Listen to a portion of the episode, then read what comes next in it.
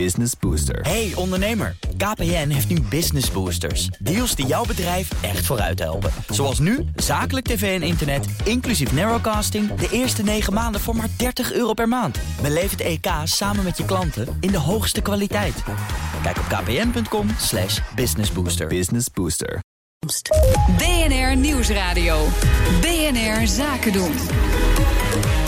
Thomas van Zeil. Het economenpanel van BNR gaat over de arbeidsproductiviteit. is de afgelopen tien jaar nauwelijks gestegen. Wat betekent dat voor de economie? En het loonstrookje van 2020. Dat lijkt er voor iedereen goed uit te zien, maar gaan we er ook echt op vooruit? En het economenpanel bestaat deze week uit Edin Mujadjic, hoofdeconoom van OHV Vermogensbeheer. Sandra Flippen, voor het eerst aan te kondigen als hoofdeconoom ABN AMRO... en universitair docent toegepaste economie aan de Erasmus School of Economics. En Casper de Vries, hoogleraar monetaire economie... aan diezelfde Erasmus School of Economics. Mijn zakenpartner is Nathalie Franke, bedrijfskundige en eigenaar van de externe voorzitter. Welkom allemaal. Laten we beginnen met eh, de arbeidsproductiviteit. Want het Centraal Bureau voor de Statistiek kwam vorige week met cijfers over die arbeidsproductiviteit. Met als belangrijke conclusie dat het de afgelopen tien jaar niet of nauwelijks is gegroeid.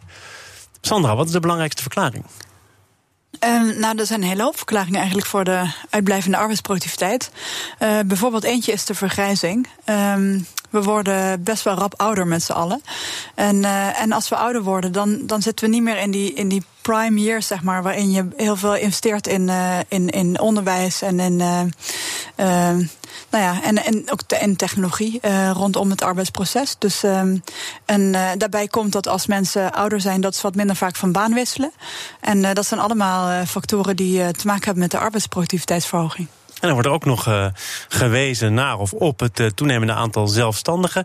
Ja. Met direct uh, als bijsluiting, ja, er is geen kausaal verband. Maar het wordt wel benoemd, niet voor het eerst. Ja, wat volgens mij, tenminste, volgens mij is hier niet echt bewijs voor. Ik weet wel dat, dat wat je vaak ziet is dat ZZP'ers, zeg maar, eigenlijk hoe kleiner de onderneming, hoe minder er in human capital wordt geïnvesteerd. en dat zou dus betekenen dat, dat ZZP'ers, zeg maar de kleinste vorm van een onderneming, dat dat dus de laagste human capital investeringen zou hebben.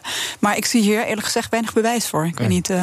CBS uh, merkt op dat uh, juist de flexwerkers de productiviteit verhogen en de ZZP'ers verlagen. En bij allebei zetten ze de kanttekening, de causaliteit is eigenlijk niet vast te stellen. Nee. Daarvoor heb je veel meer data nodig. Maar, maar ja, die, die, de zogenaamd dalende productiviteit zien we in alle OECD-landen. Ja. waarom zet je dat tussen aanhalingstekens? Hij daalt misschien niet. Ja, de, de vraag is: meten we het allemaal wel goed? Uh, dus hetzelfde als met inflatie. Uh, uh, er zijn een heleboel andere ontwikkelingen, vooral in de IT, die het heel, heel, veel moeilijker maken dan het meten van een extra auto met een, een vijfde zitje. Ja. En we hebben, kijk, we weten natuurlijk, arbeidsproductiviteit stijgt niet alleen, neemt af en toe ook af. Uh, en we weten dat als we, uh, als we ervoor willen zorgen dat, dat die blijft stijgen, dan moet je investeren in onderwijs, in onderzoek, in het mogelijk maken, uh, in het, in het, in het scheppen van, als het ware van voorwaarden voor mensen die met allemaal nieuwe dingen aankomen. Um, als ik met die ogen kijk naar wat we sinds 2007, 2008 hebben gedaan, zowel overheden als centrale banken, heb ik heel sterk het gevoel dat we vooral bezig zijn geweest met het proberen te voorkomen dat het erger wordt. En uh, daarbij uit het oog hebben, hebben verloren dat we ook moeten investeren in de toekomst. we komen echt nog wel te praten over centrale banken en overheidsbeleid. Hoor. Ik weet het, maar ja, ja, ik dacht vooral zeker, fiets ik hem toch maar even in. Ja. Maar, maar misschien hè, dat uh, vlak voor de crisis, in ieder geval een aantal jaren voor de crisis, er gewoon uh, ook nonsens metingen waren in de productiviteit. Omdat er heel veel bedrijven uh, konden, omdat het zo goed ging, konden overleven. Ja, ja en daardoor maten we eigenlijk dat dat, dat grote productiviteitsstijgingen waren. Terwijl die bedrijven eigenlijk uitgeroeid zijn door de crisis. Uh, ja, maar is het ook theorie voor de, voor de uitblijvende arbeidsproductiviteit die de, die de OECD uh, uh, lang heeft gepropageerd, is dat eigenlijk je hebt een, een groep koplopers, ongeveer 10% van het bedrijfsleven, die zijn super innovatief en hebben een hoge arbeidsproductiviteitsgroei. En dan is er eigenlijk een hele grote groep uh, laggards. Ja. En, de, en hun conclusie was dus eigenlijk de diffusiemachine tussen de hoogproductieve en de, de achterblijvers, zullen we zeggen, die is eigenlijk kapot in veel van die OECD-landen waar je die productiviteit productiviteitsstijging uh, niet ziet. Nou heeft het CPB heeft dat geprobeerd na te doen, die studie. En zij zeiden van, maar wij zien dit helemaal niet. En het verschil tussen die twee onderzoeken is eigenlijk dat het CPB ook de kleinere bedrijven meeneemt. En de OECD alleen maar kijkt naar de grotere bedrijven. Wat zien zij dan helemaal niet? Uh... Nou, wat zij niet zien is dat, dat grote verschil tussen die koplopers en, die achter, achterblijvers. Ja, dus dat hele idee van de diffusiemechanisme, zeg maar normaal gesproken, uh, als er een concurrerende markt is, dan zie je dat die koplopers die kunnen even een voordeel hebben en uitlopen. Maar dan op een gegeven moment dan haalt de rest hun uh, bij. En, dan, en, dan, en dan, dat is dan de diffusiemechanisme. Mm -hmm. maar, maar, kunnen we niet zeg maar, ook wel denken dat, dat we de groei zeg maar, bereikt hebben? Dat het gewoon niet meer groei in zit? Of is dat een, uh, is dat, uh, een gospe? Ja, dat nou, ik, denk, ik denk dat dat, dat heel zwart, zwart kijken is. Ja. Daar is geen enkele historische evidentie voor. Ik bedoel, dat zie je elke keer als het even slecht gaat, denken mensen. Maar het neemt nauwelijks toe, hè, staat hier. Ja, nauwelijks, maar, dus niet dus, toe, dus, maar weten. dus een, een, hele belangrijke factor is ook de verschuiving naar de dienstensector. Hè, van industriële samenleving naar de dienstensector. En we weten gewoon dat diensten een, een lagere productiviteitsgroei kennen, de bouwmul-effect. maar ook als je bijvoorbeeld wel investeert in nieuwe technologieën of in nieuwe computers die steeds sneller worden, AI, ik noem even wat moderne dingen, machine learning. Dat soort zaken zou toch allemaal moeten ja, maar, bijdragen aan een. Maar het is niet alleen dat. Kijk, je kunt wel gaan investeren, maar er moet ook uh, um, ruimte komen um, om daar iets mee te doen. En um, ik bedoel het volgende daarmee. Als een economie groeit, dan ontstaan er allemaal bedrijven die bij een neergang, dat is een soort zelfreinigend iets van de economie, gaan omvallen. Waardoor de mensen en het kapitaal dat vastzit in die bedrijven vrijkomt voor die nieuwe sectoren. Ik mag het woord centrale banken niet meer noemen, dus ja, ik zal maar over instellingen die over de rente gaan. Kijk, als je tien jaar lang de rente op 0% houdt, dan zorg je er ook voor dat die inefficiënte bedrijven die eigenlijk zouden moeten omvallen en dat kapitaal en arbeid vrij zouden moeten loslaten op die nieuwe sectoren, die blijven overeind. En dat remt de groei van je uh, ja, Sandra is, is, nog niet overtuigd, maar het kan misschien nog komen. Wat nee. is jouw, jouw voornaamste aarzeling bij deze Ja, ik, ik, twijfel daarover. Ik denk, ik, iets, iets, wat je in dezelfde hele lange tijdslijnen ziet gebeuren... is dat, um, dat de investeringen nemen af. En wat je dus ook ziet, is als je vergelijkt met uh, een bedrijf... dat um, ja, zeg maar 30, 40 jaar geleden... Um, werd, werd er, werden grote uh, kapitaalinvesteringen gedaan... Uh, voor, een, voor een omzet zeg maar, van, van 1 miljoen. En nu zie je dat bedrijven voor eenzelfde soort omzet, zeg maar de platformbedrijven, de techbedrijven, die hebben veel lagere investeringsbehoeften. En dat, uh, nou ja, dat, dat soort factoren zijn daar ook aan onderhevig. En ik denk niet dat je.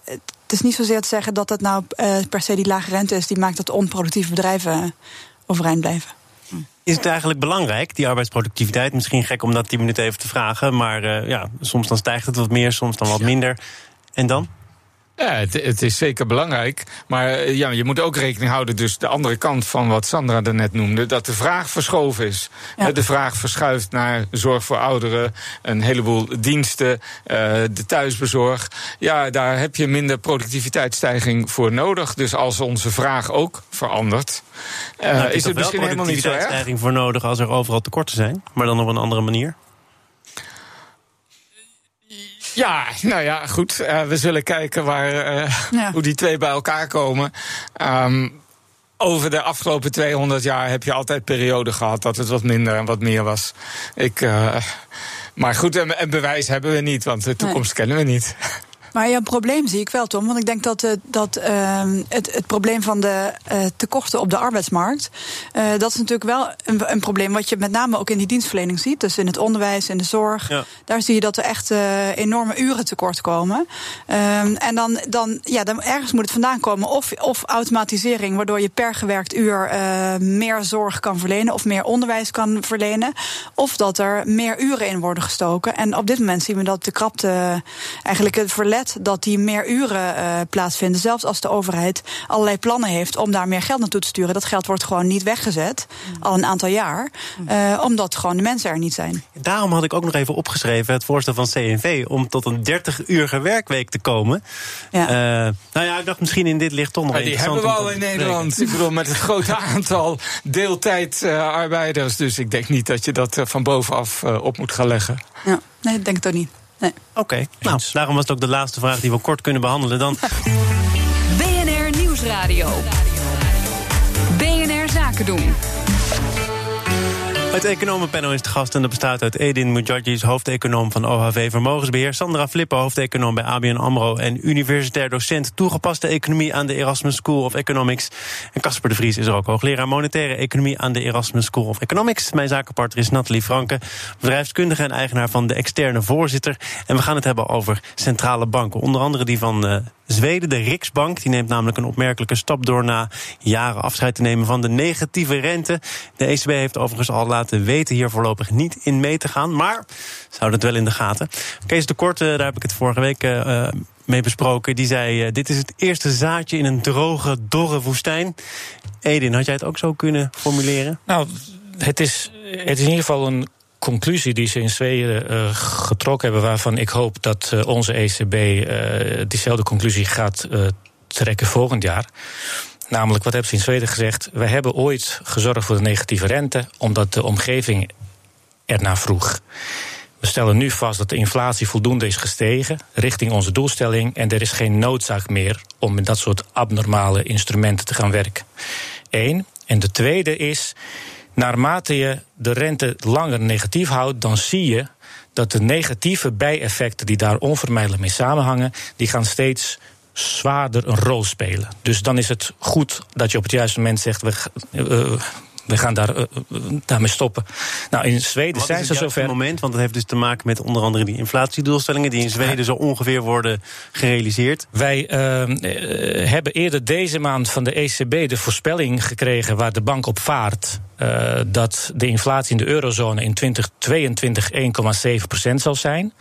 De bank streeft naar inflatie onder, maar in de buurt van 2%. Als je dan zegt 1,7% is onvoldoende, dan impliceer je daarmee dat je die ontwikkelingen zo strak kunt aansturen. En dat is absoluut niet het geval. Als je de rente naar 0% hebt verlaagd en negatief hebt gemaakt omdat inflatie 0 was. En je gaat er nu vanuit dat het bijna 2% wordt, dan is dit het moment om ook, net als in Zweden, afscheid te nemen van negatieve rente. Casper de Vries. Nou, uh, ten eerste helemaal mee eens dat, uh, dat de precieze sturingsmechanisme ontbreekt. Uh, eigenlijk zijn de centrale banken een beetje de weg kwijt. Ze weten niet waarom hun uh, ruime monetaire beleid niet werkt. Nou, dat, die stelling kan je dan ook omkeren. Het zal heel weinig uitmaken als ze die rente nu wat hoger zetten. Dat zal echt heel weinig uh, negatief effect hebben. Um, en inderdaad, de lange termijn dus je gewenning. Je moet het doen. Ja, ab absoluut. Uh, en waar we in Europa wel uh, nood aan hebben, dat is uh, een beter budgetair fiscaal beleid. Uh, en dat geldt voor Noord en Zuid. En daar moeten we over onderhandelen. Tegelijkertijd met ook een betere bankenunie. Daar, daar is uitwisseling van belangen mogelijk. We maken het rondje even af. Afsluiten bij Sandra. Ja, nou ja, ik, ik, uh, ik zou niet willen beweren dat, uh, dat de, ECB met zijn rentebeleid en zijn opkoopbeleid extreem effectief is. En dat we daarom vooral op dit spoor moeten doorgaan. Maar ik, uh, ik zit er ook wel wat, wat minder, ja, misschien toch wat minder eenduidig of minder sterk in dan, dan de, andere twee sprekers hier. Want. Um, Kijk, natuurlijk in principe wil je de rente zo, zo min mogelijk verlagen.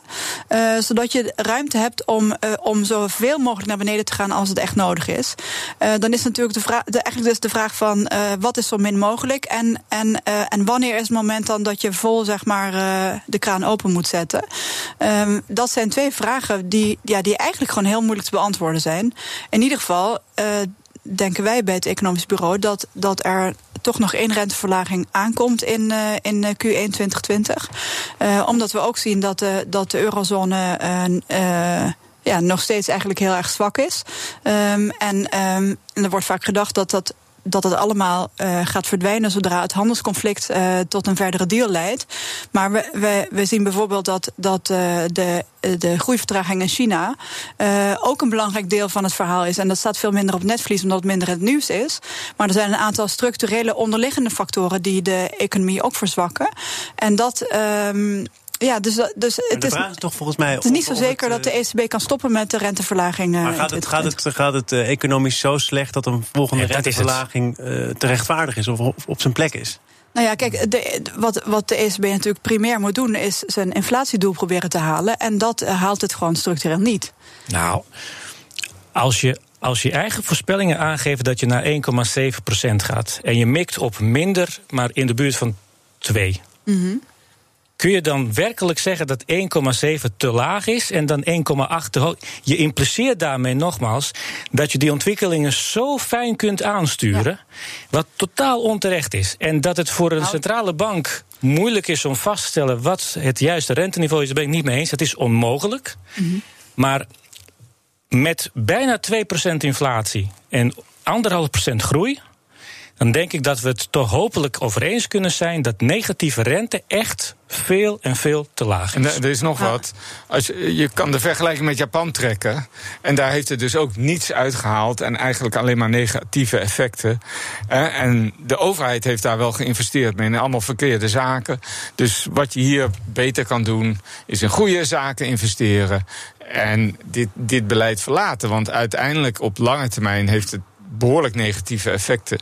Maar goed, de reden waarom ze dit natuurlijk doen, is gewoon de tekorten in de zuidelijke landen.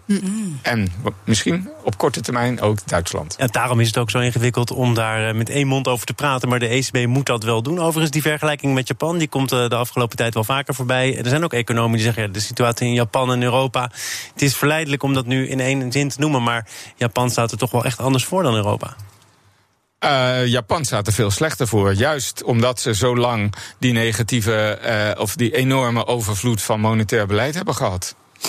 En niet de zaken hebben aangepakt die ze aan Dus dat moet je moesten pakken. afwenden. Anders ga je als Europa in datzelfde spoor. Ja, ga je in hetzelfde spoor komen, dan kan je er niet meer uitkomen.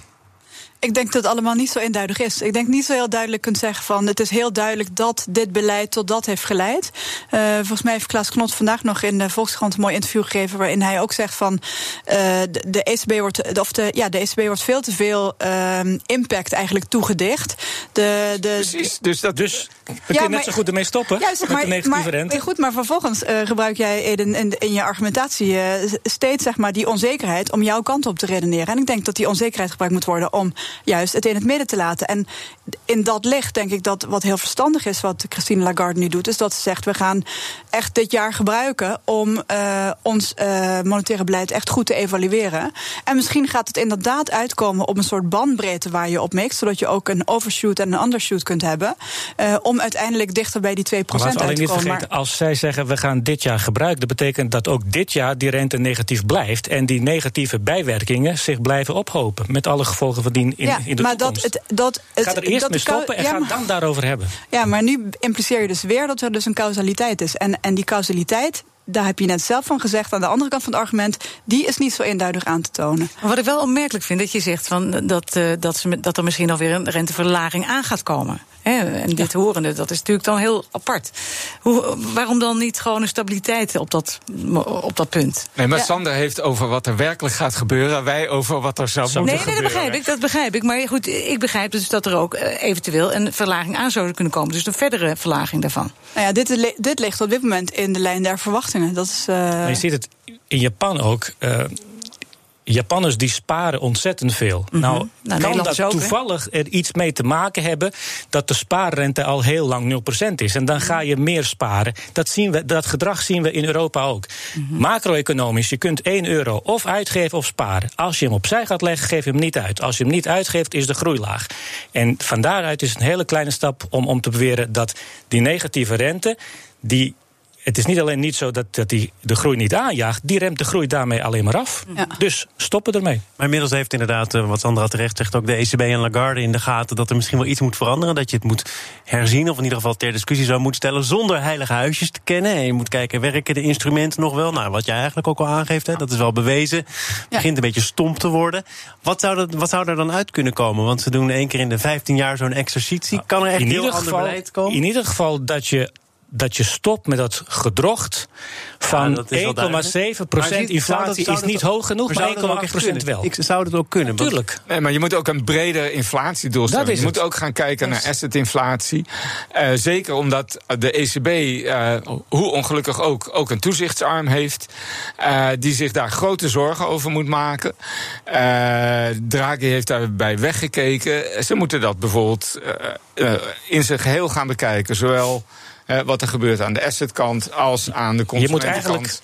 Uh, dat zou een gro veel grotere stap zijn dan alleen maar gaan zeggen: ja, wat, wat is de bandbreedte rond de inflatie? Ik denk dat dat onvoldoende diepgang heeft, zo'n discussie. je moet naar de oprichting van de ECB. Toen de inflatie tussen 0 en, en 2 procent lag. Door hem zo nauw te definiëren, dwing je jezelf zonder enige noda, uh, noodzaak allerlei ingewikkelde maatregelen te nemen. Terwijl als de inflatie anderhalf procent is, daar wordt toch niemand wakker van. Nou, ik denk nog een, even terugkomend op de, de evaluatie van, uh, van de ECB. Ik denk een interessant uh, aspect hierbij gaat zijn dat Lagarde ook heeft duidelijk aangegeven dat binnen het primaire mandaat er ook naar klimaatrisico's moet worden gekeken. En dat gaat echt een interessant spel worden. Want wat wij zien, en we zijn daar ook nu zelf bij de bank heel erg aan het rekenen. Van wat zijn, hoe, moeten nou, hoe liggen de daadwerkelijke risico's nou in de komende jaren? Want de, het opkoopprogramma is, heeft zeg maar, is overwogen op fossiele uh, industrie. En um, uh, dat, is, dat is niet met enig doel, zeg maar, of met enig politiek doel natuurlijk. Dat is helemaal politiek neutraal gebeurd. Alleen uh, als je de risico's op een nieuwe manier gaat zitten wegen. van, van type assets, zeg maar, die, die je meer of minder riskant acht vanuit het klimaatoogpunt. Ja, dan open je eigenlijk ook de deur, de deur voor groen opkoopbeleid binnen de ECB. En dat is wel een hele interessante. Ja, dat is best interessant en dat zal een beetje helpen. Maar eigenlijk, eigenlijk is het daar ook weer aan de budgettaire autoriteiten. Bouw nou gewoon die kerncentrales, ja. tien in Nederland. Ja. En ga die CO2 gewoon ondergronds opslaan. Oh, Kom op, jongens. Nou, en daar, is ook, en daar zijn ook interessante dingen aan het gebeuren. Niet vanuit de politiek. Want, want je ziet eigenlijk dat de, dat de politiek nog veel te weinig doet. Er wordt wat gezegd over dat er fiscaal nu wat, wordt, uh, wat, wat budget wordt gebruikt. Maar het is, het is in termen van BBP-effecten echt niks. Nauwelijks iets. En, maar wat je wel ziet, is dat uh, de, de wetgever in toenemende mate, zeg maar, de, de afspraken die we internationaal hebben gemaakt en wat we in de praktijk doen op landenniveau, dat begint zodanig te divergeren dat uh, de wetgevers in toenemende mate zegt van uh, tot hier en niet verder. En dan blijkt het wel echt groeiremmende effecten te hebben als je niet doet wat je beloofd hebt. En nou. terug naar de rol van die centrale banken. Want Edin, daar zit ook weer een hele fundamentele kwestie, namelijk past dit dan en valt dit binnen het mandaat van die uh, Europese Centrale Bank? Onder andere de Duitse uh, president van hun centrale bank heeft al gezegd: ja, eigenlijk niet. Ik kan me heel goed voorstellen dat. Uh, het feit dat het weer anders wordt en onvoorspelbaarder wordt, dat het uiteindelijk wel gevolgen heeft voor waar de ECB zich mee bezighoudt. Tuurlijk. Hoe bedoel je onvoorspelbaarder? De vraag nou, is, moeten ze zich met klimaat bezighouden nou, wat jou betreft? Dat vind ik dus niet, want het zijn effecten die pas veel later in de toekomst gaan sorry, spelen. Dat is een misverstand, want het gaat hier niet om de fysieke gevolgen van klimaatverandering. Het gaat om de transitierisico's. Het gaat om, wat, wat als de, de Urgenda-case, neem hier in Nederland...